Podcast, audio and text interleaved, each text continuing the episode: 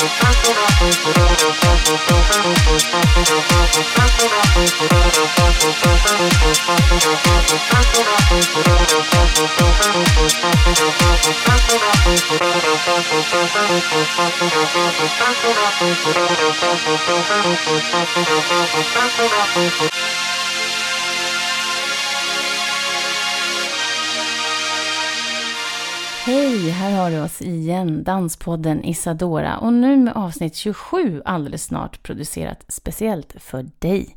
Du kommer att få träffa den sprudlande Charlotta Överholm som är koreograf och dansare på den moderna sidan dansen. Men som med de flesta jag träffar här så är det allt som ofta första gången vi ses och ibland har vi hunnit med en kaffe innan och ibland får vi ofta av tidsnöd sätta oss direkt och spela in. Alla möten är speciella och alla möten blir därför olika också. Eh, och mötet med Charlotta är inget undantag, det är speciellt. Ofta känner jag att det är efter samtalet dags att boka in nästa möte eftersom samtalet precis har börjat. Två saker som jag vill lyfta med det här avsnittet är nummer ett. Om det är ett namn eller om det är händelser som nämns som du inte känner till eller känner igen eller vill veta mer om, så hör av dig så ska jag och vi guida dig vidare. Nummer två är att ljudet en bit in i samtalet och cirka 30 minuter präglas av störningar. Och det verkar som att det är någon slags överspänning. Men stå ut är min vädjan. In i avsnittet med dig nu. Vi ses! Hej Charlotta Överholm! Hej! Och välkommen till Danspodden. Tack! Du, jag kommer att göra en presentation av dig här, så får du säga om du vill ändra eller lägga till någonting. Du är dansare och koreograf sedan en bra tid tillbaka. Du har utbildat dig främst i USA, men du började i Sverige, bland annat på Balettakademin i Göteborg. Och du har undervisat och dansat i stora delar av världen, kanske de flesta delar av världen. Och med de flesta stora namn där ute, bara för att nämna två kan jag säga. Det Londonbaserade kompaniet DV8 och svenska koreografen Dorte Olesen. Ja, Ja, det är två av eh, många fler. många, många fler. Mm. Precis. Jag såg hela listan här och tänkte att jag tar två som, som jag känner till Mm. väl. Ditt danskompani, Compagnie Jeu de la Vie, jag vet inte om jag uttalar det rätt. Det låter jättebra. Bra. Mm. Där beskrivs eh, du dansa ironiskt och brutalt bland annat. Ni firade nyligen 20 år och förra hösten, alltså 2015, så satte du upp Fucking Burn It, Age on Stage på Dansmuseet i Stockholm. Det var en tio dagars hyllning till och med dansare som spenderat större delen av sitt liv på scenen och fortfarande allra helst gör det. Mm. Du sägs ha, och nu märker jag det också, en energi utöver det vanliga och du tar dig an föreställningar på scen som du tar dig an livet. Skulle du säga att du vill ändra någonting eller lägga till något? Nej, jag tycker det låter bra. Faktiskt. Ja, nej men det låter ganska eh, mycket som jag. Det gör det? Ja, Ja. Vad roligt att ha dig här. tack. Jag skulle vilja höra lite grann, om vi börjar direkt med den här Fucking Burn It, Age on Stage. Jag tänkte så här, Fucking Burn It, det låter nästan lite så här provocerande. Är det, är det meningen? Ja, på ett sätt eh, tycker jag att det skulle... När vi pratade om namnet, hade, vi- hade många olika ganska töntiga namn. Du vet, man, man, man ska försöka liksom se till att en vanlig människa förstår vad vi pratar om. Men i slutändan så känner vi, vad, vad, är, vad handlar det här om? Det handlar om eldsjälar. Som fortfarande gör det här trots mycket motstånd, både kroppsligt och eh, samhälleligt. Och sådär. Men man har en drivkraft, eh, en passion, som en eldsjäl. Och eftersom det var en internationell festival, Fire Souls, We're burning it, we're gonna burn it down. Ja, men då blev det fucking burn it. Och vi kände bara, ja men det här, det här kommer att stå ut. Vi, Mm. Folk kommer att liksom kunna känna att det där är någonting utöver det vanliga. Mm. Och sen la vi då till Age on Stage för att det, det var ett namn som senare utvecklades under vårt arbete med festivalen. Och eh, sen har ju det blivit en egen identitet så att säga. Men festivalen hette Fucking Burn It. Mm. Det klingar ganska bra det där med Age on Stage. Det är något som sätter sig direkt. Ja. Vad var det för töntiga namn ni hade innan då? ah, vad heter det, movement, du vet, något sånt där va. Liksom, jag kommer inte ihåg nu, jag har förträngt det. Mm. Men när jag läser, läser mina ansökningar från början så, så var det inte riktigt samma kaliber på namnet. Okej. Men det här var en festival som ni höll i tio dagar som innehöll dansfilm, föreläsningar, föreställningar och så vidare och så vidare. Tio dagar utav det här. Ja. Alltså det är ju mycket och länge. Och hur, hur tänkte du när, du när du startade det här? Det var ju, det började med att vi skulle fira 20 år som produktionsbolag kan man väl säga. Men sen så var det också att jag hade jobbat i 30 år som dansare och så fyllde jag 50 år. Mm. Så jag tänkte, ja, men vi slår ihop det här. Och vi ville ändå inte fokusera på att det var någon jubileum, utan vi kände att vi ska försöka fokusera på erfarenhet och ta hit alla de här som fortfarande gör det vi gör. Och jag tänkte att tio dagar, det kände inte jag att det skulle vara mycket. Nej. Utan allt det vi ville få in, det behövdes tio dagar för det. Ja. Och jag tänkte att vi tar in några få bra produktioner som redan har, har, har visats. Film av och med folk som är lite äldre. Vi hade film gratis inträde varje dag. Från DV8, från Alta Realitat i, i Spanien, fantastisk film. Från eh, en dokumentär av Anders J Larsson om mig faktiskt. Och sen lite andra men, eh, filmer som, som varje dag fanns både klockan fyra på, mor- på eftermiddagen före vår föreställning men även efter föreställningar. Fritt inträde. Och eh, sen hade vi även ett seminarium där vi ville lyfta problemet eller problematiken med att bli äldre i den här branschen. Det vill säga att det inte finns betalda jobb för de som är över 42 egentligen, eller om det är 44 nu på institutionerna. Eh, så om man vill fortsätta sen så är det ju liksom att, att göra sina egna grejer eller hitta pengar för att klara av att göra det. Och eh, där började jag liksom forska lite. Jag själv har aldrig liksom känt att ah, det är orättvist, utan jag har bara gått vidare. Jag, jag, jag känner inte att det... Man gör vad man kan i livet. Liksom, livet är inte rättvist. Utan man får bara se till att, att må bra och göra det man vill. Men jag forskade och hittade väldigt välrenommerade personer som skulle kunna ge den här diskussionen mycket. Som jag bjöd in ifrån Tyskland, Österrike, nej, eh, eh, inte Österrike, Holland. Och eh, även härifrån Sverige. Och den här, det här seminariet var väldigt välbesökt. Vilka var det som kom? Det var både från utbildnings, som Balettakademin, DOC, jag tror inte Riddarfjärden hade några Kungliga Svenska Balettskolan. Men däremot, vi hade också från Kullberg, olika kompanier, eh, institutioner, många eh, frilansdansare. Vi hade Dansalliansen, eh, Karina Ari, ja det var från hela liksom, spektrat av, av Dans-Sverige. Och sen så var det då de här stora artisterna som jag också hade bjudit in som s- avslutade hela festivalen. En stor galafestival, äh, galaföreställning som vi hade på Rival. Och dessa artister var alla över 45 år från hela världen. Och du var själv också på scen? Ja, Ja. jag stod på scen varje kväll. Men just den här sista eh, föreställningen var ju väldigt speciell. Den var ju bara en gång. Och eh, det var just i nuet. Men alla kom med den här stora eh, ryggsäcken av bagage och erfarenhet. Så att det blev en... Det var fantastiskt. Var det då du gjorde den här duetten med John-Erik på scenen? Eller? Eh, den, vi, tog, vi gjorde en liten del utav den. På, men vi gjorde även den på Dansmuseet, hela föreställningen. Ja, Men på Rival så fanns en liten del av den. Antithesis. just. Ja. Väldigt speciell. ja. Fin. Men upplever du att det är skillnad på hur man ser på äldre dansare och kanske då också koreografer, inte vet jag, eh, i Sverige och ute i Europa och i världen?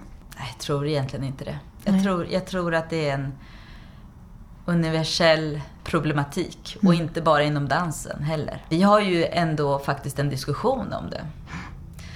Jag tycker att det, är- om man tittar på andra delar av samhället, kan det nästan vara mer diskriminering på ett sätt som, som är orätt, mer orättvist. För att jag menar, inom dansen, det är sant faktiskt att kroppen förändras. Mm. Men det är synd att man behöver kämpa så pass mycket för att kunna vara kvar i branschen. Mm. Det, där tycker jag att det, det, det är ett problem. Alltså om man, som du säger, det här med att kroppen förändras, man, man kanske inte orkar på samma sätt och så. Men det skulle man väl i så fall känna av själv då? Kanske, då inser man att så här, men jag kan inte göra samma saker som jag gjorde tidigare. Men om man känner att man kan det och ändå inte får fortsätta, eller vad man ska säga, då blir det ju ett trauma och problem. Ja, absolut. Så är det ju. Mm. Och det är ju, jag menar, om man har passerat 50 så kan man ju inte direkt gå på en audition tillsammans med 25-åringar. Liksom. Nej. Det skulle vara väldigt eh, roligt. Ja, men alltså du menar att man inte kan det för att det inte, du skulle kunna göra det? Ja, man skulle väl kunna göra det, men det, det, alltså, koreografen skulle nog först och främst undra, vad är det för en galning? Och sen så, nej, det, jag tror inte att det, det skulle funka. Mm. Men är det inte precis det man behöver göra då? På ett sätt har du rätt. På ett sätt, om, om man skulle börja göra det så att det blev lite mer normalt, att, att det var en blandad ålder på scen. Ja, man är nog en, en, ett offer av, av eh, den problematiken själv. Faktiskt, att man skapat det själv. Ja, Mm. Det är synd. det är det. För då ser man inte de dansarna Nej, på scen. nej. Utan man ser en viss, ett visst åldersspektra på scen. Ja. Det, det kommer ju jag förändra nu. Ja, berätta hur. Nej, men vi vill ju... Det här startskottet var Fucking Burn It Age on Stage och nu under två och ett halvt år till så kommer vi fortsätta det här Mm. genom ett EU-projekt. Eh, fast det är ju alltså Jules Lavie eller Charlotta Överholm Dance Mm. som kommer att hålla i Age on Stage som är ett, ett projekt med både produktion, vi kommer att ha en till två produktioner varje år med dansare över 45. Mm. Och eh, ett eh, outreach-program där vi jobbar med eh, helt vanliga människor eller dansare. Man får vara vem man vill, bara man är över 65 år. Mm. Och där kommer vi att eh, både ha workshops och skapa produktioner med de här. Eh, och också integrera med yngre. Det är den sista, sista årets produktion. Mm. Och along with this så kommer vi ha ett forskarteam från Piteå och Luleå universitet. Två eh, forskare som kommer att, att, att följa både, både de här mycket äldre produktionerna men även de produktionerna vi gör. Mm. Och eh, de har fritt, eh, vad ska man säga, de, de kommer att skapa ett underlag. Både säkert en bok men även olika filmer och eh, vi kommer att under två år har vi också någonting som heter Age on Stage International Meeting Point som kommer att bli som en konferens. Mm. Och där kommer man att få deras underlag liksom, till sig. Mm. Vad vi Age on Stage vill fokusera på i vår forskning är just vad, vad dansen och kreativiteten och passionen och ska man säga känslomässigt vad, vad det gör för människor. Mm. Eh, någon annan partner ute i Europa kommer att jobba kanske mer med det fysiologiska, hur man mår rent fysiskt eller liksom vad som händer i kroppen när Ja, man dansar. Ja. Och sen, ja, det, det är många olika komponenter i, de här, i det här projektet som vi kommer att göra. Men Mm. som, som sagt, alla dansare på scen kommer att vara äldre än 45. Mm. Men har du någon känsla för vad folk känner då när de ser det här på scen? Nej, det, det har jag inte. Det enda jag kan säga eh, är att när vi gjorde Fucking Burn It Age on Stage i höstas så var det ju verkligen...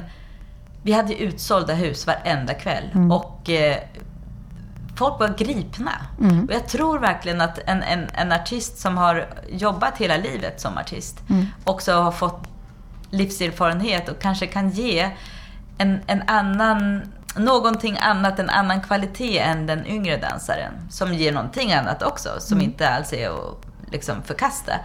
Men eh, ja, jag tror att man kan gå mycket djupare på något sätt. Mm. Vi fick ju faktiskt chansen att visa rivalföreställningen på, i SVT och där fick jag väldigt, väldigt mycket feedback också. Just av att det, det är ju helt otroligt att, att dessa människor fortfarande bara... Det är ing, jag, jag är a believer av att energi föder energi. Så ju mer du ger, ju mer får du Mm. utav det här. Och det tror jag är nyckeln om man håller sig frisk. Har du hållit dig frisk? Ja, frisk har jag alltid varit, men jag har ju fått byta ut lite olika delar av- min kropp Mm. för att kunna fortsätta. Och eh, det kanske är för att jag har varit hård Mm. mot kroppen. Men jag tror det kan också, det beror på artros och många sådana här andra saker som faktiskt ja, sker i leder och så. Om man inte har en, en fungerande led, då är det svårt Ja. att dansa. Ja. Och trots allt, om du är så pass aktiv som du är fortfarande, så kan du inte ha varit alltför elak mot kroppen i alla fall. Nej, men många säger så här, men Lotta, du tar, alltså det där det är alldeles för hårt fysiskt. Kan du, men du vet, jag, jag har inte riktigt känt det. Jag har inte, det har inte varit hårt för mig. Eh, men nu när jag tänker efter så kanske just de där hoppen rakt ner på knäna kanske inte var det bästa för kroppen. Eh, Så, Men så det- på det sättet menar jag hårt. Och sen Ja. också att man är hård mot sig själv. Ja. Det, det, men det lär man sig ju liksom i livet. Du vet, alla människor lär sig att kanske ta hand om sig själv Mm. lite mer när man blir äldre. Mm. Det är någon slags visdom där som man inser att så här, ja, det kanske, kanske kan vara bra att ge lite grann till kroppen också om den ska prestera till exempel. Precis. Men det här med att du brutal, det är kanske är därifrån den här beskrivningen då, för den, den läste jag på din hemsida, eller kompaniets hemsida. Brutal, ironisk, humoristisk. Vad var det fjärde? Ja, men brutal låter i alla fall som en del av det du beskriver nu. Ja, eh, alltså det här är ju från eh, recensioner vi har tagit från andra som har uttryckt sig Mm, om mm, oss. Och det brutala tror jag faktiskt också handlar om vad vi pratar om. Mm. Att det, jag vill gärna prata om sånt som är, är viktigt och personligt. Men Mm. det kan också vara personligt, alltså det behöver inte vara att det kommer utifrån bara mitt eget liv, utan att det har olika nivåer. Mm. Och eh, det humoristiska, att man liksom smeker publiken på något sätt och de sitter och skrattar, men i nästa moment så är, liksom får man ett kniv i, i hjärtat på något sätt. Och det är just den, den där, de där kasten som, som är brutalt. Det kan ju också vara något fysiskt som är brutalt, absolut. Det kan jag tänka mig att de, de tänker också. Men, men jag tror mer att, att det är just det här att man sitter inte riktigt säkert i stolen som publik. Men det är inte det att, att man behöver vara rädd. Men jag tror inte att man kan förutse vad, vad som kommer att ske. Nej, just det. Ja, men det, det är väl bra, för då, Ja. då blir det aldrig tråkigt där, utan man får vara beredd. Men det känns ju som att du verkligen slår på någonting när du går på scen, och det jag har sett i alla fall. Det är någon så här, ja men den här energin och den här kraften som jag läser om, den, du verkar ha tillgång till den. Ja, alltså jag känner... Det, det är svårt att prata om, liksom förklara. Det är mer så att, att, att när man är på scen så är man verkligen i nuet. Just bara då. Och man, det finns ingenting annat. Och då får man en sån kraft.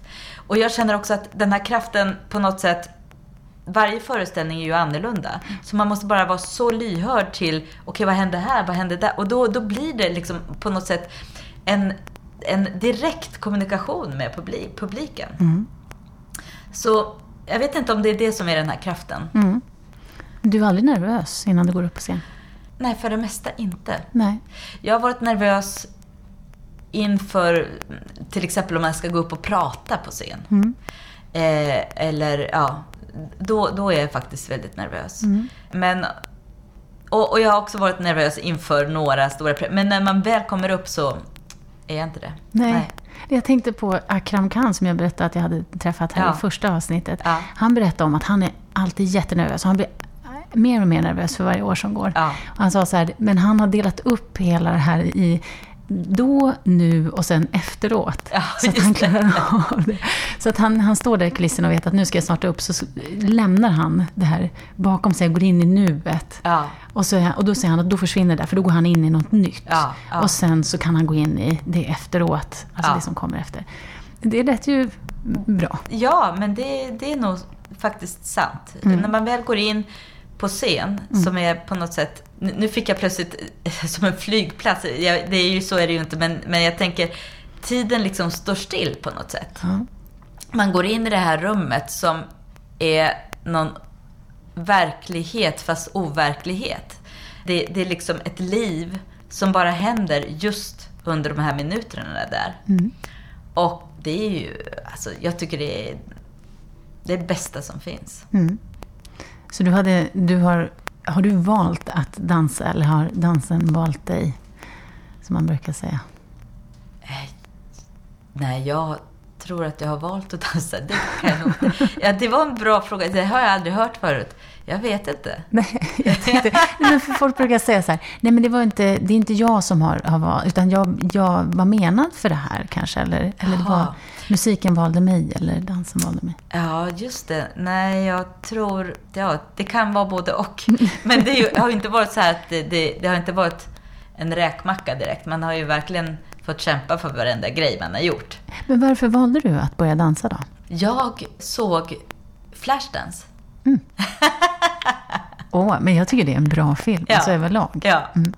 Eh, det var verkligen då som jag bestämde att jag skulle bli professionell dansare. Vad var det den som, som fick det?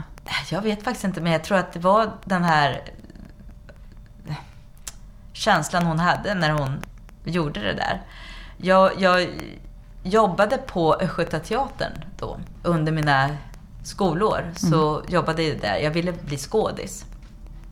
Men då var det en, en, en familjeföreställning och då fanns Östgötabaletten. Så hela den baletten var även med i föreställningen.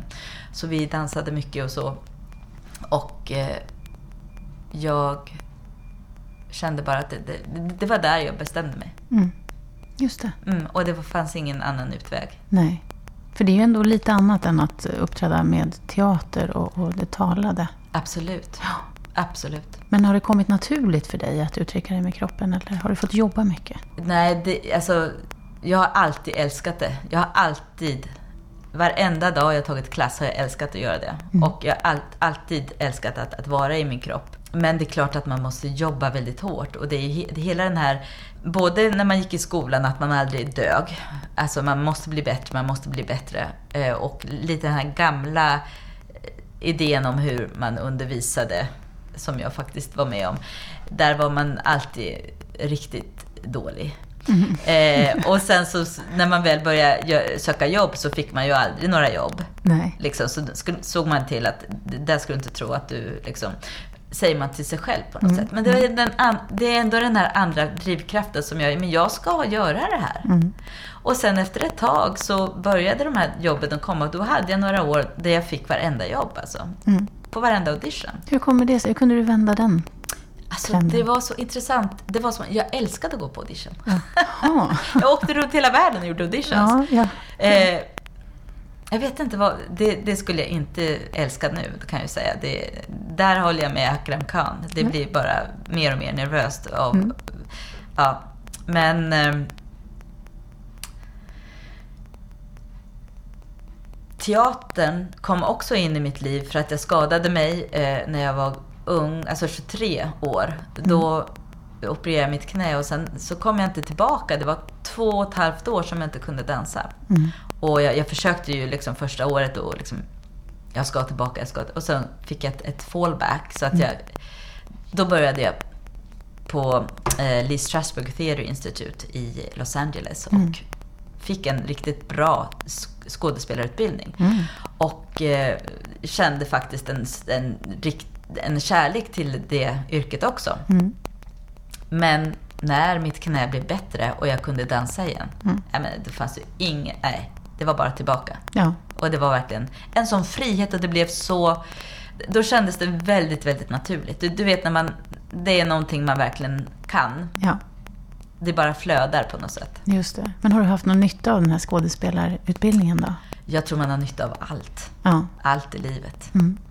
Och jag, när, jag, när jag gjorde den här utbildningen så kände jag verkligen att det här borde ju alla artister, vad man än är för en artist, eh, gå igenom. För det var, väldigt eh, själv... Eh, eh, vad säger man? Man måste undersöka sig själv väldigt mycket. Mm. Mm. Eh, framförallt i the method acting. Alltså, man måste gå in och försöka hitta känslor och eh, komma, ihop, komma ihåg varifrån de här sakerna kommer i, sitt, i si- sin barndom. Och, och sen kunna ta upp dem och använda det som ett, ett verktyg när man står på scen. Det var väldigt... Det låter väldigt bra. jobbigt. Det var, det var nog ganska jobbigt. Och kanske också roligt och intressant. Jag tyckte ju att det var... Eh, det var jättebra att vara i Los Angeles, i Hollywood, och göra det här. och, eh, och träffa Al Pacino, eh, vad heter den här killen nu? Oh, vad heter han nu? En suverän skådis. Harvey Keitel. Men gud. Eh, ja. Ja. De var på skolan liksom. Men eh, hur, hur var de då? Var, alltså de var ju... Ja, jag blev ju jättekär i Al Pacino. Nej. Jo. Och jag, senare så jobbade jag på en teater, Lucy Lortel Theater i eh, New York, mm. som påklädare. Mm. Och det var ett jättebra play. Och då en kväll så skulle Anna Strasberg, Lee Strasbergs fru, mm. Lee var ju död, men Anna Strasberg var många år yngre. Hon skulle komma och se föreställningen tillsammans med Al Pacino. Mm. Och jag kände Anna, jag mm. hade träffat henne i Los Angeles. Och då får jag prata med Al mm. och liksom krama honom. Och, nej, du vet, det var fantastiskt. Han hade brutit benet då, så han var lite handikappad. Ja, okay. Eh, men ja, det var bara så långt det gick ja, ja, okay. mellan oss. men var han, eh, hur var han? Han? Han var väldigt lågmäld mm. faktiskt. Mm, okay. Eh, men jag tyckte han verkade trygg på något sätt. Och det här, det här teaterstycket det handlade om aids och det var mm. just, det var väl early 90s. Så det var väldigt mycket snack om det liksom. Och många, även dansföreställningar. Jag jobbade ju till, till exempel med Bill T. Jones mm. som bara pratade om, om det här faktiskt under mm. några år. Hans partner dog i aids. Och eh, det blev väldigt mycket sådana politiska verk han gjorde mm. som var intressanta. Man the spoken dance theater. Liksom. Mm. Ja.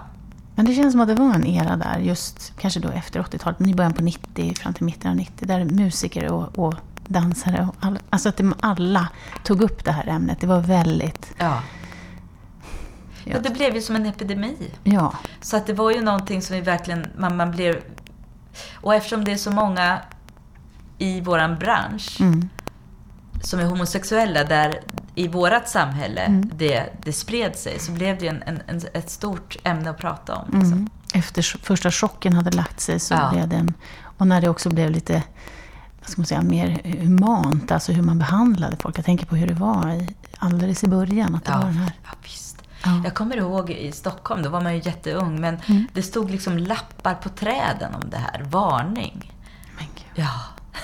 Ja, det är inte klokt. Jag tänker på Jonas Gardells berättelse också om ja. hur, mycket den, hur mycket uppmärksamhet han fick också nu. Ja.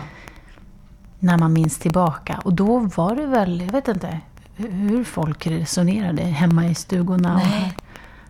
Jag vet bara att, att, att, det var en stor rädsla. Liksom. Mm. Men jag tänker precis, du vet när man pratar om Zika-viruset eller den här ebola eller liknande. Ja. Det, man får den här fruktansvärda skräcken för det där. Och att det finns överallt och så. Ja. Det är någon slags ja.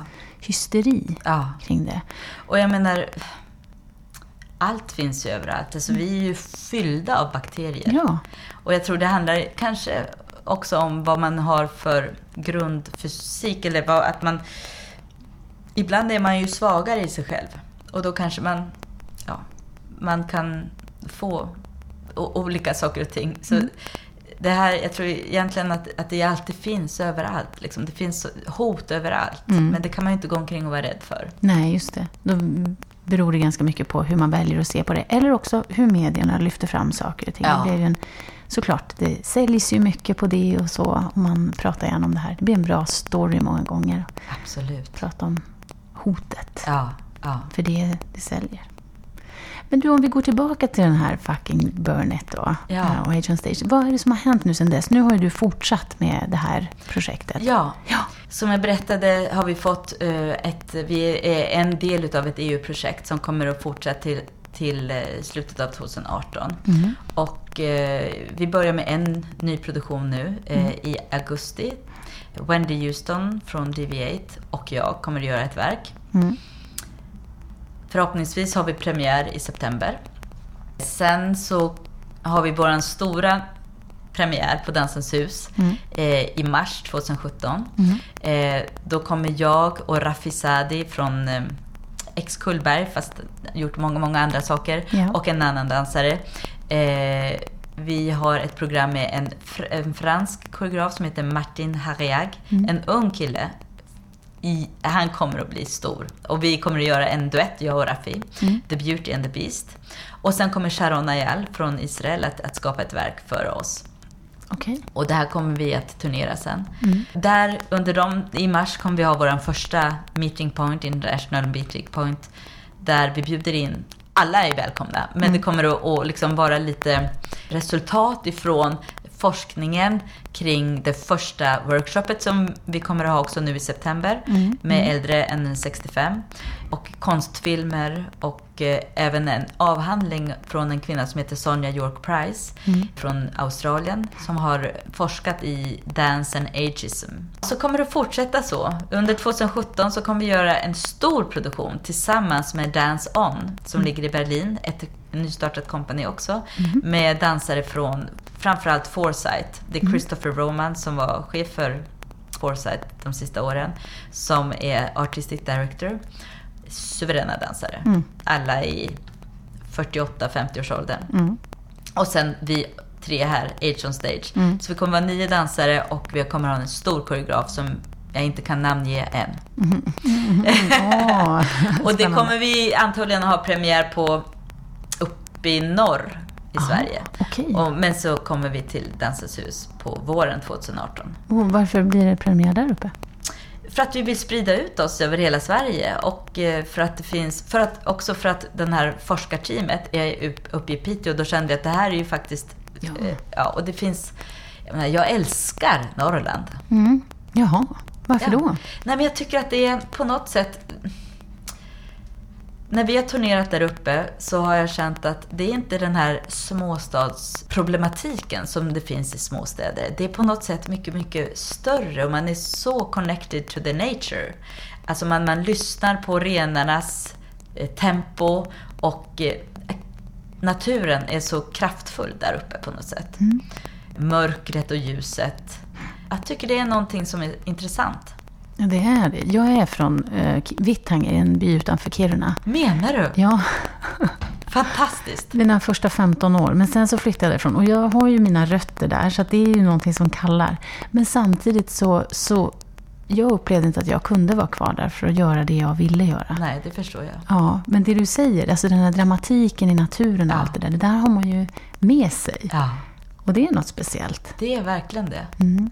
Det, alltså det man blir känslomässig. Och jag känner att vi, jag gjorde ett verk som hette Sami Mm. 2008 kanske. Tillsammans med Sofia Jannok och några andra. Mm. Och det, det skapades där uppe och vi turnerade runt mm, säkert åtta städer. Mm. Och man kommer till Jokkmokk liksom och det finns inte någon på gatorna. Och det finns en bensinstation där man, där man frågar om nycklarna till gymmet eller så man frågar om den och den och han vet allt. Ja. Och sen så är teatern fylld på kvällen. Ja. Det tycker jag är fantastiskt. Ja. Och det var väldigt mycket samer som kom då för att vi pratade just om det. Mm. Liksom. Mm. Ja, det var, Men det är bra. Jag tänker just att det är inte så mycket dans som åker ut i landet. Man åker väl ganska mycket ut i världen när man turnerar. Ja, för mig har det ju varit så. Ja, Vi turnerar ute i världen. Mm. För att vi har inte kommit in i något dansnät eller någonting. Utan det enda vi gjorde var faktiskt uppe i norr. Så, och mitt fokus har, har då, eftersom det har varit lite svårt för mig att, att få fäste här i Sverige, så har mitt fokus legat att- på att försöka få oss till stora festivaler internationellt istället. Mm, mm, Och, och ha lite co-producers i olika länder. mm. Är, det, är det för att pengarna finns där eller? Finns det? Eller det, det, för mig har det varit lättare att få, få partners utomlands. Mm. Och det har ju aldrig varit mycket pengar, men det har varit tillfällen att stå på scen Mm. och att göra liksom, samarbeten med... eh, Ja, framförallt har jag varit mycket nu senaste åren i Tjeckien, Slovakien, Polen. Jaha. Där finns en sån här fysisk teaterhistoria. Mhm. Eh, och de har mycket, de har, ja, de, de har anammat vad jag gör på ett sätt som... Ja, men jag tror också att om man blir lite känd någonstans, då vill de ha tillbaka det. Ja, vad häftigt. Mm. Jag får med när jag pratade med Sue N, som har Rebuto-kompaniet, ja. så var hon också en hel del i den, de regionerna. Ja. Mm. ja, men de är ju väldigt... Alltså kultur är ju viktigt för dem och mm. teater är viktigt för dem. Jag ja. vet inte om det har med den gamla kommunisttiden att göra där man var så hårt hållen liksom och det fanns ingenting. Man hade alltid någon typ av, man kunde inte lita på någon. Men mm. teatern är då väldigt viktig liksom. Ja. Det är som en, ett fritt rum. Ja, så den behövs. Ja. Jag har en fråga som brukar handla om att vara kvinna och koreograf, eller kvinna och dansare. Om hur du upplever det, om du upplever att det är något problem eller om du särbehandlas på något vis eller så. Ja, det är ju en intressant fråga eftersom om man går in i en skola eller en klass så är ju 99 procent kvinnor. Mm. Men om man tittar på fördelningen i ett kompani så är det ju alltid 50-50. Mm. Också tänkt på det när man själv undervisar, att eh, det är så himla viktigt att ha män inne i en klass på något sätt. Det ger en balans på något sätt. Mm. Och de får väldigt mycket fokus. Mm. Det kan man ju tycka är orättvist, men, eh, och så, så, är det. Men jag har aldrig känt att det har varit en nackdel för mig. Mm. Nej, jag, kan inte säga det. Så, så är det liksom. Mm, mm. Däremot så, så kan man ju tänka att den här världen styrs av män. Och antagligen också väldigt mycket teaterchefer ute i världen. Det styrs liksom av män och det är väldigt mycket manliga koreografer på de stora teatrarna. Man, om man tittar på en, en repertoar på de här repertoarkompanierna så är det väldigt mycket manliga koreografer. Mm. Det är liksom intressant. Och därför är jag jätteglad att vi kommer att ha Sharon nu och att jag jobbar med Wendy första året. Vi försökte få bara kvinnor men det blev lite det blev svårt. Okay. Men jag tycker, jag har inte, alltså jag älskar män. Mm. och om det är någon som är en bra koreograf, even better. Ja. Men jag är ändå väldigt glad att vi har två starka kvinnor. Ja, just det. För det är någonting man kan reflektera över ändå, bara så här. Absolut. Just eftersom. Jag tänker på om, om man ser också en eh, uppsättning eller dansföreställning där det är mestadels kvinnor så placerar man ju ofta mannen då i mitten för att få den här balansen, kanske symmetrin eller på något vis ja. få någonting. Ja. Så är det ju. Och det lustiga, många gånger när jag går och ser dans med ett stort kompani så tycker jag alltid att, att killarna får mycket bättre steg. Liksom. Att tjejerna alltid ska vara någonting vackert och romantiskt eller någonting på höga klackar och, och killarna går in och bara river av. Liksom, Just så här. Det har jag tänkt på. Ja. Har du sett det mer nu eller, eller är det något som du... Nej, egentligen alltid. Ja. Vad handlar det om då? Alltså jag vet inte vad det handlar om. Men jag kan ju, när, jag, när jag tänker på vad jag pratade om förut, just att under utbildning så måste man kämpa så för att kunna bli bäst, alltså, om mm. man är kvinna. Mm. Man, man, om man ska få ett jobb, då ska man vara bättre än någon annan. Mm. Och eh, männen har ju liksom det är lättare eftersom det finns lika många jobb fast mycket, mycket färre killar. Mm. Så de kanske har ett, en större självkänsla från början. Och då är det också svårt för en kvinna att höja rösten. Mm. Nu tror jag däremot att, att generationen har förändrats. Liksom. Tjejer är lite mer eh, jävlar anamma. Mm. Ja, jag tycker också det verkar som ja. det. Mm. Och framförallt i vårt land där, där det är så, ja, vi, alltså det ska vara jämlikt. Mm även om det inte är det, så, så har vi någon typ av grundidé att, att, att det är, så ska det vara. Mm, mm. Man behöver bara komma till Tyskland, så är det absolut inte så. Det är så gammaldags så det är inte sant. Alltså. Märker man av det i, din, i ditt läger, eller vad man ska säga? Jag tycker jag, jag, jag behöver inte prata om dansen per se där, när det gäller det. Men jag, mm. jag tycker att jag ser det väldigt mycket. Ja. Alltså, är det störande eller är det någonting som du bara accepterar? Nej, jag tycker att det är störande. Ja. Jag tycker det är störande att, att man inte... Att man ses som onormal om man gör någonting som är mer manligt i samhället. Liksom. Mm. Det tycker jag är och, och, och, om man då ska liksom gå emot och försöka förklara sig, eller ifrågasätta, så vad, vad, är det som, vad är det som gör att, att män inte kan göra det? Mm. det så så är det så pass gammaldags och så pass långt, vi är så långt framme så att det går inte ens att ha en, diskussion om det. Nej. faktiskt. Man utgår lite från så här, det biologiska och hur vi, alltså här, kvinnor gör si och män gör så. Ja. Eller, ja. Ja. Och den blir svår att argumentera med, eller? Ja, så, eller hur? Gamla, gamla vanor liksom, och gamla idéer om hur ett samhälle ska se ut. Ja, just det.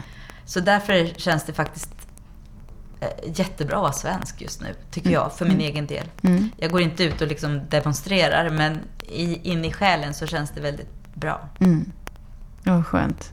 Och då, eftersom har pratat om det också så mycket och rört vid det. Hur är det då att fortsätta vara en sån aktiv dansare och eh, koreograf nu när du då har fyllt 50? Märker du, vad får du för reaktioner på det? Jag får faktiskt eh, positiva reaktioner för det mesta. Mm. Men det finns alltid någon som säger, men ska du inte, är inte det här ett tecken på att du ska sluta nu? Kan Mm. du inte göra någonting annat? Och, jag tycker inte att det är jobbigt när de säger så, för att jag är så övertygad själv. Mm. Jag bara hoppas att min kropp håller några år till. Och sen tror jag inte, jag kommer inte stå och liksom, kan röra min kropp, nej då kommer jag göra någonting annat. Det Mm. vet jag. Mm. Men än så länge när jag fortfarande har min fysik och kraft, Mm. så ser inte jag något problem i det. Jag gör inte det. Och jag, jag, jag känner också att det finns så många i min situation. Mm.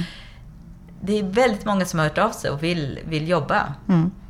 I det här projektet nu, som är äldre. Men kan man bara sluta dansa? Nej, jag, som, som, som ett vedertaget begrepp, att man säger once a dancer, always a dancer. Mm.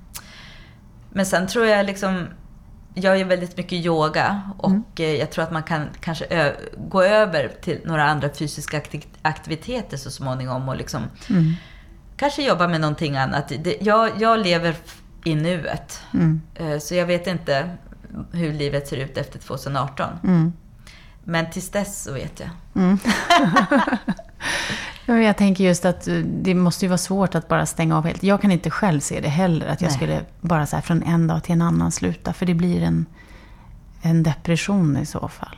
Ja, det är något man är, det är ja. inget man bara gör. Utan det är en identitet Ja, absolut. som det. sitter väldigt fysiskt. Ja.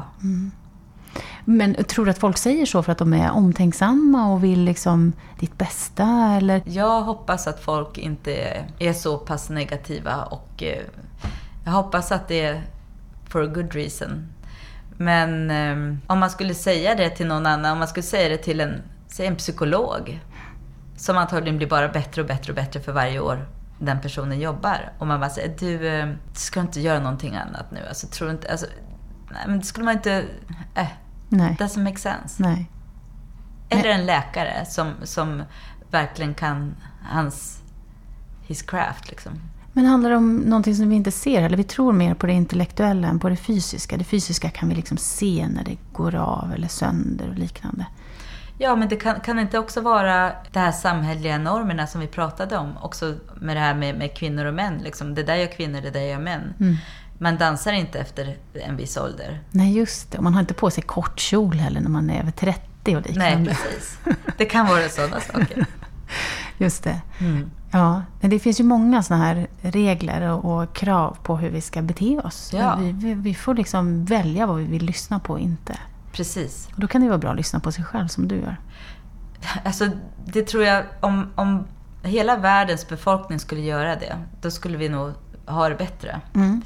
Jag, lustigt nog var jag i Istanbul i tisdags. Jaha. Jag var alltså Oj. där några timmar innan den här attacken hände. Jaha. Jag kände hela tiden, jag var bara i, i, i Turkiet i tre dagar, men jag kände att det var någonting nytt här. Alltså. Det var väldigt, det var en oro i luften. Mhm. Eh, och om man, om man är surrounded av det Mm. hela tiden som människa, då, då har man nog svårt att, att ha tillgång till bara de här starka eh, eh, känslorna om sig själv och tänka vad, vad, vad tycker jag, vad vill jag? Då har man mer rädsla och Mm. om det finns mycket rädsla så, så förändras världen till det sämre. Ja, stänger vi inte väldigt mycket då? Rädsla, alltså om vi går omkring och är rädda. Ja, Då blockeras ju väldigt mycket. väldigt mycket. Och man ser inte vad man har framför sig faktiskt. Nej. Och kanske inom sig heller. Nej, Mer än den här rädslan, tackla rädslan på något Så sätt. det är nästan en lyx att gå omkring och känna vad jag tycker och vad jag vill. Det är självklart. Det är, det är något som man kan säga här. Absolut, Ja. absolut. Så är det ju. Sen är det bra om fler skulle få tillgång till det. Ja, och jag tror att eh, i, i vad man än gör, om man försöker förstå vem man är i den här situationen och vad som händer omkring en och försöker också förstå andra människor. Men ta, si- vad, vad, vad tycker jag om, om den här situationen? Om man tar sitt ansvar, och det, det gäller överallt, liksom, då kommer... Då, då skulle det se annorlunda ut. Mm. Och jag tror vi kan bara börja med oss själva, helt enkelt. Det är där det börjar. Mm. Lady Gaga sa något liknande på något symposium här häromdagen med Dalai Lama bland annat. Ja. Men just det här bara, det är så enkelt, eller inte enkelt kanske, men att det är gratis i alla fall att vara snäll. Ja. Om alla ska, det är inte credit att säga så. Nej. Och det är inte credit att vara det. Men det är det som skulle behöva, det skulle vara en del i att börja förbättra sig själv och Ja. Världen. Och hur man ser på andra också. Ja, absolut. Att ha den här omtanken också med sig. Ja. Verkligen. Men det är inte riktigt så det ser ut i, i samhället. Men det är inte coolt att vara snäll. Fortfarande inte. Nej. Eller? Har jag fel? När man känner att om man träffar någon som har ett gott hjärta, som man känner den här personen tror jag att jag kan lita på. De personerna växer ju, tycker jag, verkligen. Och det är så enkelt faktiskt att eh, om, man, om, man, om man känner sig själv så är det enkelt att se vem som inte är ärlig. Mm. De här spelen som finns överallt i samhället och manipulationer är väldigt intressant. Och vad det är som styr liksom. Ja, men verkligen. Vad det är som får oss att... Jag tänker, det, jag, det här du också pratade om med att bli äldre som dansare och så. Mm, Att bli äldre överhuvudtaget, eller äldre människor, får ju ofta den här, inte alltid kanske, men ofta en trygghet som gör att de blir också mycket mer ödmjuka Mm. inför att de vet så lite. Jag tänker lite, återgår alltid till Sokrates, men också hur han liksom insåg mer och mer att man vet så lite egentligen. Ja. För när man är jätteung så vet man ju allt. ja, men visst. Och då finns det inga... Och det kan ju vara jättebra. Man, liksom, man kan ju vara totalt orealistisk. Mm. Och det är ju suveränt, för då tar man sig ofta väldigt långt om man vill. Absolut. Men när man blir äldre så blir man mer ödmjuk och så ser man. Och så kan man också pusha andra. Mm. Och lämna plats åt andra. Ja, Och sånt tycker jag är otroligt, jag tänkte säga attraktivt, men det är verkligen det. absolut. Jag håller med dig. Jag Mm. håller med dig. Det är fint. Verkligen, att, att veta att man förlorar ingenting själv om man ger Nej. till någon annan. Nej, precis. Och det behöver man kanske inte bli äldre för att förstå, men jag tänker att det kommer ofta med Ja, erfarenheter ja, som man har med sig. ja. Ja, det är häftigt. Mm. Men det finns ju ganska eh, få kompanier då, som jag förstår det, med äldre dansare. Ja. Eh, NDT hade ju det här kompani 3, eller vad det hette. Ja, var det Jiri. Kilian som startade det? Eller han drev det i alla fall. Ja, det var, det, var, det var ju under Jiris tid som chef. Just det. Och det förstod jag var väldigt populärt och folk ville se det. Så vad var det, vet du vad det var som hände när de la ner? Jag visste vad det var som hände, men just i, den här, i det här ögonblicket så kommer jag inte ihåg det faktiskt. Men de finns ju inte längre i alla fall. Nej, det var länge sedan de la ner. Ja. Ja, väldigt länge sedan. Ja. Alltså säkert över tio år sedan. Men var det så att det kanske inte kom in fler äldre som fortsatte? Eller hur? Alltså jag vågar inte svara på det, men jag vet Nej. att, jag, att jag, jag visste det för två månader sedan. Okej. Ja. ja, men det går ju att kolla upp. Ja, visst. Det, det kan man googla fram. Ja. Mm. Men, eh, men så det har ju ändå funnits, och det, har, det finns ju, alltså jag tänker att det finns krafter som driver på det där ändå också. Ja, och nu har det ju blivit lite inne det här faktiskt. Så Ja. Vi har ju ett, ett, eh, ett nytt kompani i Berlin Mm. som är också, de har, väl, de har väl pengar för tre år men det kommer säkert att fortsätta, som heter Dance On. Mm. Med dansare som är alla över 40, men jag, och det är ju jätteungt tycker Mm, jag, men mm. de är närmare 50. Och eh, sen finns det många rörelser i USA, Mm. som i New York, Paradigm Company. Mm. Och jag, jag menar, varför inte prata om Pina Bausch? Alltså, Wuppertal dansteater. Det finns väl dansare i det kompaniet som har varit med nästan från början. Jag tycker det är helt underbart alltså. Alltså, Pina hon var en av mina absolut största idoler. Okej. Ja. Men jag tycker du har, så, du har ett sånt brett spektra. Var, befinner, var tycker du att du befinner dig rent dansmässigt?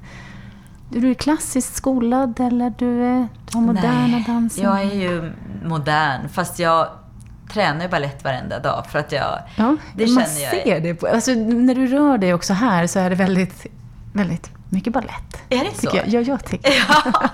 eh, nej men alltså det har blivit min träningsform för att det blir någonting som man faktiskt kan hitta över hela världen. Okay. Alltså, det finns ju alltid kompanier man kan gå och träna med. Mm. Och sen, ja det är svårt att hitta en regelbunden modern träning. Mm. Om man inte gör det själv, vilket kan, man kan göra. Och framförallt, jag undervisar väldigt mycket så jag har skapat min egen träning. Mm. Men ja, det är väldigt skönt att gå in och, och ha, ha sin liksom, timma varje morgon som blir på något sätt meditationen för kroppen. Mm. Att komma i kontakt med sin danskropp. Liksom. Men var jag befinner mig, alltså jag kan ju säga att jag har dansat väldigt, väldigt fysiskt hela tiden när jag har dansat och jag har älskat det. Men jag har också tagit in det här med teater och gillar att, att skapa olika karaktärer från Mm. början till slut, att vara en person.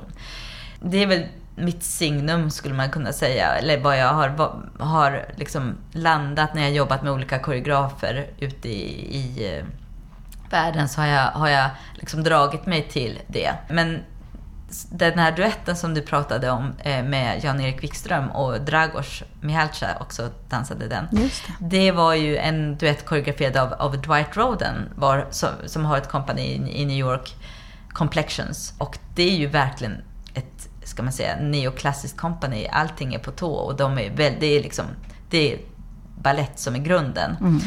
Men, och det här verket var ju lite annorlunda för mig. Men det var ändå så här gjort för Jan-Erik som var verkligen klassisk och jag som inte var så klassisk då. Det. Men ändå tyckte jag att det var mer åt det klassiska i det uttrycket jag själv gjorde också i duetterna. Även om det skulle säkert en klassisk dansare inte säga. Mm. Men jämförelsevis med eh, vad jag normalt sett gör. Jag är faktiskt öppen för att göra nästan vad som helst just nu. Mm. För mig känns det mer viktigt att vara i den här processen med andra dansare som, som, som kan ge någonting. Så jag är jätteöppen för att och, och nästan jobba med vem som helst. Men du känner dig inte så här obekväm i, i något läger sådär? Jag skulle vara väldigt obekväm i ett klassiskt läger. Mm. Så det, det, det, är liksom en annan konstform egentligen. Mm, Och, och, och teknik, och det, menar, det kan inte jag. Mm. Och jag skulle inte kunna gå in och liksom köra hiphop heller. Mm. jag skulle jättegärna vilja kunna det, men, nej, man måste, men, men resten, jag menar jag har gjort många musikaler. Jag gillar Ja. jazz. Jag Ja. gillar det också. Mm. Och det är intressant att se hur erfarenheten i kroppen, utan att jag tänker på det, utan att min hjärna kommer in, hur man förändrar faktiskt vad man gör. Mm. Om jag gör ett verk som jag dansade för tio år sedan och jag gör det nu, så kan jag hitta helt nya kvaliteter i det. Ja, Och det tycker jag jättemycket om. häftigt. Mm, det, det är kul. Så koreografi blir liksom aldrig egentligen färdig? Nej, jag tycker inte det. Alltså, jag, de verken, mina egna verk som jag turnerat mest, Mm. det var först Lynn, en, en karaktär jag skapade tillsammans med Tobias Hallgren. Mm. Och vi turnerade i åtta år. Mm. Och jag menar, den föreställningen förändrades ju. Det var ju nästan en helt annan föreställning i slutet. Den förändrades liksom med oss. Och sen den här Pas de deux sans toi som jag gjorde med Lindy Larsson. Jag hoppas verkligen att vi kommer att kunna göra den mer. Den är, den är fortfarande aktuell. Mm. Den har ju också förändrats väldigt mycket. Mm. Och även Lucky, mitt sista solo, eller senaste solo, det är under förändring. Mm. Och där kan man ju gå in och förändra också kore- koreografi ut efter vad kroppen kan och inte kan göra. Just det. Och det är bra, Ja. när man är så få på scen, att man, man kan ändra det. Det, det finns lite grann, vi kan länka till vissa av de här, i alla fall trailrar. Men jag Ja, vet inte om, absolut. om de fullständiga verken, något av dem finns på Vimeo eller YouTube. Jo, det, jag tror att Pas de sans toi finns hela, annars finns det på min hemsida. Ja, just det. Ja, Då länkar vi dit. ja Mm. absolut. Så man kan gå in och botanisera lite. Ja. Men känner du att du vill någonting med dina verk eller med din dans? Jag vill gärna påverka publiken på något sätt. Jag vill Mm. gärna att de får en upplevelse och att de blir berörda. Eh, om, om, om beröringen är att, att, att bli glad eller att, att eh, känna igen någon, någon sorg eller, eller bli förbannad kanske. Men på något sätt få publiken att ha någonting i sig när de går därifrån. Och att det inte bara är en... Jag tycker om när det är vackert också, men när jag pratar om mina egna verk så vill jag verkligen... Ja, då, då, är, då handlar det mer om, om beröring. Känner du din publik? En del. Men jag hoppas hela tiden att det kommer mer och ny publik. Mm. Jag menar att man hittar nya målgrupper och ja, man, man blir ju själv, man lär sig ju av publiken faktiskt. Det är intressant, jag har turnerat väldigt mycket i Sydamerika. Mm. Där eh, på ett sätt är de ju väldigt så här latino och gammaldags på ett sätt. Men på teater, där är det, om man pratar, om jag, om jag pratar, det finns ingen som inte svarar i publiken. Vet, även om jag skulle säga på, liksom, poetry, och det är inte meningen att de ska svara, så är det alltid, ja det, det är roligt. Är det inte tvärtom här då? Nästintill. Alltså, jag tycker nog, nej, Sverige har, det kanske är den publiken som nu är min publik då, som vet att de går in och eh, ska vara med på Ah, föreställningen. ja, ja, ja. Så kan det ju vara. Men Ja. jag, jag kan tänka mig också att faktiskt svenskar är, för det första har man humor här. Och det har man också i de här lite öst, former east faktiskt. De har det här lite svarta humor. Ja, just det. Mm. Och då vågar man lite mer. Man kanske kommer till, jag ska inte säga några länder nu, men eller och veta att så är det, men jag kan tänka mig Tyskland och Frankrike. Och Att där kanske skulle vara svårare att få folk att eh, göra någonting. Alltså jag, i New York var det också svårt att få folk att svara på mina frågor. Mhm. Ja. Varför då? Nej, där tror jag också att det är den här dubbelmoral. Liksom, att om jag frågar Are you married? Are you in love with her? Liksom, och folk bara säger vadå? Det här ska inte jag svara. Vad, vadå? Liksom, att de sitter och, håller på någonting. Och det är inte, så- man behöver inte svara. Gud, jag kan tycka också att det är jättejobbigt. Men om man... Jag, jag vill kunna bryta den här fjärde väggen och känna... eh, eh, få med publiken helt enkelt. Så att det inte blir jobbigt. Men vad är humor då? Alltså när, när är det roligt? När man inte försöker vara rolig, helt enkelt. När, det bara, när det bara är någonting som är helt fel. Mm. Det tycker jag är roligt. Men det, det, det där är en fine line alltså. Det här med fars och sånt är inte riktigt min grej. Eller när man försöker dra... Försöker vara rolig, då, då är det ofta inte riktigt så kul. Nej. Eller hur? nej, jag såg faktiskt en föreställning som i övrigt var bra. Men där man hade såna här buskisinslag. Ja. Och jag förstod inte varför man hade lagt in det. För det var så här, det förtog väldigt mycket. Ja. Men också där man så här uppmuntras att skratta och där det blir så här, åh nej, det här är inte bra. Det är som när min mamma drar vitsar när jag var liten. Jag bara så här, nej det här kommer inte, Nej. ingen kommer att skratta. Nej, För det är den där förväntan som byggs upp istället för att man ja precis. kommer från ett oväntat håll och, och Ja, attackerar. ja precis. Ja. Nej, men jag, ja, för då håller jag med om, alltså jag har samma syn på humor där som Ja. du. Men eh, var hittar du din inspiration? Det är jätteolika faktiskt. Jag kan ju ta några exempel då av de här, jag skulle kunna ta de här tre verken som jag pratade om. Alltså Lynn, det var en kvinna som jag började skriva, jag, jag tog ett, ett workshop, teater, där man skulle skriva varje morgon, vad som helst. Och jag fortsatte göra det här i två år. Och så samlade jag på mig liksom alla de här texterna och sen så skapade jag en karaktär. Och jag hade hur mycket text som helst, så det, var ett långt arbete. Men den här kvinnan var faktiskt en, en del av den här kvinnan var en kvinna som hette Lynn, som jag träffade i Los Angeles. Så var jag arkitekt, arkitekt. Och eh, väldigt duktig sådan. Men hon gick i samma klass på Lee Strasberg som mig. För hon hade då, liksom, hon var säkert 75 år, fast såg ut som om hon var 30. Du vet, hade ändrat allt. Varenda, liksom, fanns inga rynkor, fanns, allt var nytt i hennes kropp. Ja.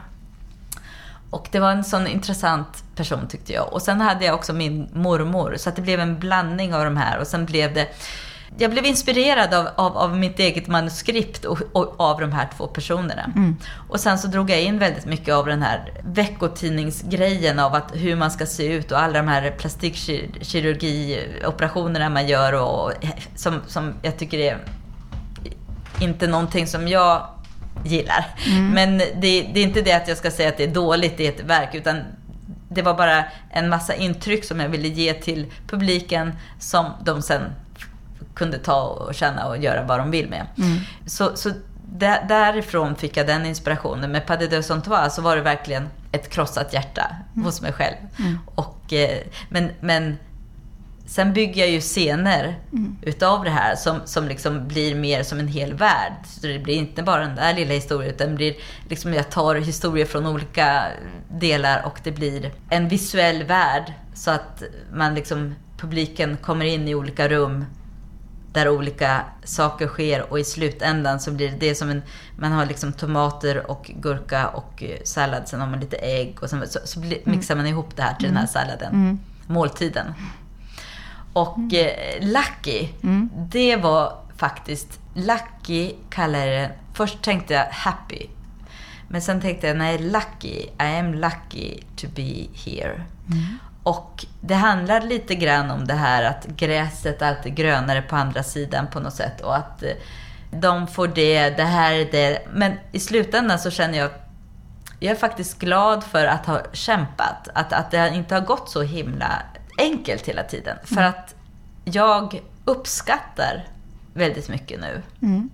Så jag ville också på något sätt, det stycket handlar, det, det stycket handlar om att ta sitt ansvar på något sätt. Och ifrågasätta massa saker och även publiken. Och sen i slutändan bara säga Fuck, I'm so happy and lucky to be here today. Ja. Så det är olika saker som man, jag inspireras av olika saker. Jag, alltså jag, jag skäms nästan av att säga det, att jag, jag läser jättelite. Men när jag väl sätter igång och läser en bok så kan jag inte sluta. Men det, ja, så jag läser väldigt lite. Jag går sällan på museum, men om, när jag gör det så blir jag så himla in, inspirerad och, säger alltid till mig själv att jag måste göra det mer. Eh, jag går och ser mycket föreställningar, det gör jag. Men jag vet inte, det är någonting annat som inspirerar mig. I vardagen? I an- Ja, i livet liksom. Ja. På något sätt det psykologiska, hur folk beter sig. Det är intressant. Och det för du in i dina Ja. verk. Ja, Men du är ju en dansande koreograf. ja, Eller en koreograf som dansar tänkte jag säga. Det var ju samma sak. ja. Nej, jag är dansare först och sen så är jag koreograf. Ja. Mm. Men vad är bäst då? Att koreografera eller att ta koreografi? Eller att dansa överhuvudtaget? Din egen koreografi? Alltså jag, jag älskar att dansa. Och även andras koreografier, så att säga. Mm. Det är inte svårare eller lättare? Nej, alltså att vara bara dansare Mm. är ju faktiskt mycket lättare. Mm. än att driva en hel grej och koreografera. Och När man är koreograf är man ganska ensam. Man har en stor grupp framför sig. Så man ska liksom... Och man kanske jobbar under sex veckor om jag, om jag jobbar med ett kompani. Man har det här förhållandet till dem, men sen när man går därifrån så är man ju ensam. Och man måste skapa allt det här. Det, det, är alltså, det är svårare. Jag tycker det är lyx att vara dansare. Om någon annan koreograferar. Det är bara lyx och underbart alltså. det, verkligen. Ja. Man går in och får en annans universum. Man, man liksom går in i någon annans universum och lär sig så mycket. Och samtidigt så har man sitt instrument som man använder genom deras historia så att säga. Det tycker jag är, det är lyx. Mm. Ja, men jag tycker det blir väldigt intimt många gånger när man tar koreografi. Alltså för någon som man aldrig har träffat tidigare Ja, kanske. absolut. Och så får man en sån här kontakt till exempel där man bara säger herregud jag förstår dig. Det är så här, jag berättar det här med min kropp. Och så ska jag tolka dig. Ja. Och så ska jag föra in det som är jag i det hela. Och helt plötsligt så ja, men det uppstår någonting som man inte får någon annanstans. Nej. Det är häftigt. Ja. Det är lite sådär så att man nästan blir som en knarkare. Så man knarkar dans. Man går och bara så här. Verkligen. Den här lyckan efteråt, den går Ja. inte att komma ifrån. Vad känner du att du får svara på för fråga jämt? Ja, alltså många, många frågar faktiskt om det här med energin. Var får jag min energi ifrån? Mm. Varifrån får du den då? Och jag har ju aldrig, jag tänker ju inte på att jag har mycket energi. Jag, jag inser ju det, att jag, att jag har det. För att när man till exempel har jobbat med andra så, så känner man att man är inte direkt slut Nej. efteråt. Jag skulle kunna fortsätta. Men det kanske inte bara är den fysiska energin utan det är Jag vet inte var jag får den ifrån. Nej, men Alltså, du kanske jag- får det av, av andra också. Alltså att du, som du pratar om det här kretsloppet eller så. Att Ja, man får absolut. det man ger och så. Absolut. Jag kan ju säga att när jag har varit skadad, Mm. Då tappar jag så mycket energi. Mm. Och, och jag blir till och med, alltså min hjärna, jag, jag tänker långsammare. Alltså det är fruktansvärt. Mm. Man blir en helt annan, man blir en, en helt annan person. Alltså. Mm. Mm. Och genom det så kan jag förstå att ju mer aktiv man är, ju mer energi får man. Också för sin hjärnverksamhet Mm. och, och kreativa sida också. Mm. Så det kanske är att bara ligga i liksom. Ibland är det skönt att vila också, självklart. Alltså verkligen. Och, och inte göra så mycket. Processa lite grann. Ja, Det man har. Ja, men det behöver man nog. Jag, absolut. jag känner av att jag lätt går på att ta in Ja. väldigt mycket. Ja. Men sen när jag tvingas stanna upp, eller ibland att tvinga mig själv att stanna upp, Ja, så är det ganska mycket som behöver sorteras. ja, Och det, då, får, då renodlar man ju vissa delar. Då kommer det ju fram sånt som man har samlat på, som man inte hade en aning om att man hade tagit in. nej, Men man behöver det. ja. Det, det, det tror jag inte att man visste när man var yngre till exempel. Nej. Man bara körde på liksom. Ja, ja, Och verkligen. såg inte egentligen Nej, vad som och man hände. är hungrig. Det händer så mycket. Och Det Ja. är intressant och man är nyfiken. Ja. Och, det, och det kan man ju fortsätta vara. Men man kanske också ska hantera det så man plockar in Ja, lite... precis. Och sen också bara ta ett steg tillbaka och bara känna, gud, den här dagen är underbar och jag ska bara, det är bara ett, ett fritt space, liksom tid som jag, jag bara ska göra vackert på min balkong nu. Mm. Och sen ska jag göra det här, det här och det, sådana här saker som inte ger, ingenting behöver man komma fram till. Nej. Utan bara, det är väldigt enkelt. Mm, mm. Sådana tider tror jag är bra. Det är nog bra. Virpi Packinen sa att hon har ibland en dag, jag tror det var en gång i veckan, där hon är tyst. Eller där hon inte pratar, eller för hon ger inte ut så mycket. Nej. Hon vaknar upp på morgonen och så... Ingen dator, ingen, Nej. inga så sociala medier och liknande. Där hon Jättebra. känner att hon får jättemycket energi. Ja, men jag blev jätteinspirerad av Ja. det. Jag kände att så här, låter klokt. Verkligen. För det är så mycket intryck nu. Ja. Och vi får bara mer och mer. Och det är jättespännande på många sätt tycker jag. Ja, Men det är också, en, man är överladdad Ja. hela tiden. absolut. Om man vill. Ja, Mm. absolut. Känner du att det är någon fråga som du aldrig får, som du skulle vilja prata om? Jag vet faktiskt inte. Du vet, när man väl har kommit börja med någonting så ja, det är viktigt men då har man ju kommit så långt i sig själv med det så att det är liksom det är egentligen det, nästa steg då som, som, som blir någonting intressant. Alltså det är ju jätteintressant att jobba med det man, man håller på med just då också. Men man har ju liksom kommit längre Mm. än, än publiken med det. Eller de som kommer på ett seminarium och sådär. Man har ju liksom redan processat egentligen det. Mm. Mm. Det enda jag vill är att vara smärtfri. Mm. Och eh, det kan jag säga, det det är min högsta önskan. Mm. Då hoppas jag verkligen att du får vara det också. Var kommer man att se dig härnäst nu? Och nu tänker jag, är det september som vi pratar om då? Ja, då kommer vi nog att ha premiär i Tyskland. Mm. Ah. Watch out, Sweden, liksom, för Mobile Dialogue. Vi vet inte riktigt än vad vi kommer att, att göra det här Ja. solot. Mm. Sen kommer det då vara på Dansens hus Ja. i, i mars 2017. Just det. Och förhoppningsvis, det här kan vi inte liksom direkt säga direkt, men förhoppningsvis eh, andra ställen, eh, alltså mars 2017 Dansens hus och sen har vi lite turnéer med det runt om. Mm. Eh, och sen förhoppningsvis då uppe i Piteå, Luleå, Kiruna Ja, eh, under hösten 2017 just det. och Dansens hus igen 2018 i april.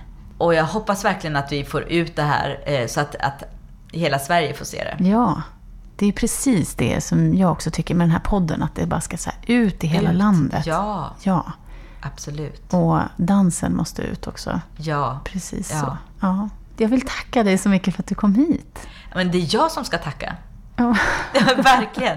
Det, det har varit jättekul och jag tycker att du gör ett fantastiskt jobb. Detsamma. Tack så jättemycket. Så där, då var Danspodden Isadora över för den här gången. Vad roligt att du lyssnade. I vanlig ordning så är vi som gör podden Niklas Reimertz och jag Anita MTN. Du är så välkommen att höra av dig till oss via Facebook eller Twitter eller Insta. Och på Instagram så heter vi Isadora-podden med ett D. Och mejla oss det kan du också alltid göra. Isadorapodd med ett D heter vi då, at gmail.com. I framtiden kanske vi också finns via något slags telefonväkteri, vem vet? Vi vill hålla alla kanaler öppna, men vi avvaktar med det ett tag. Du kan prenumerera på oss på iTunes och lyssna där eller på Acast eller direkt i Soundcloud, det vet du. Och där kan du också lyssna på alla avsnitt som har kommit ut och ladda ner dem för att lyssna när du har tid. Och nu på sommaren så är det ju urbra, eller hur? För nu har du ju, tiden är liksom lite mera tillgänglig än den är annars. Är det så att du lyssnar på Isadora-podden för första gången, hallå, så kan jag rekommendera dig att gå tillbaka och botanisera bland de andra 26 avsnitten som finns, för de är packade och klara på isadorapodd.com. Men det var härligt att du var med oss det här, vårt 27 avsnitt, så nu säger vi hej och hej då tills vi hörs igen och nästa gång så blir det ett specialavsnitt för att fira vårt första år som podd. Håll dig uppdaterad!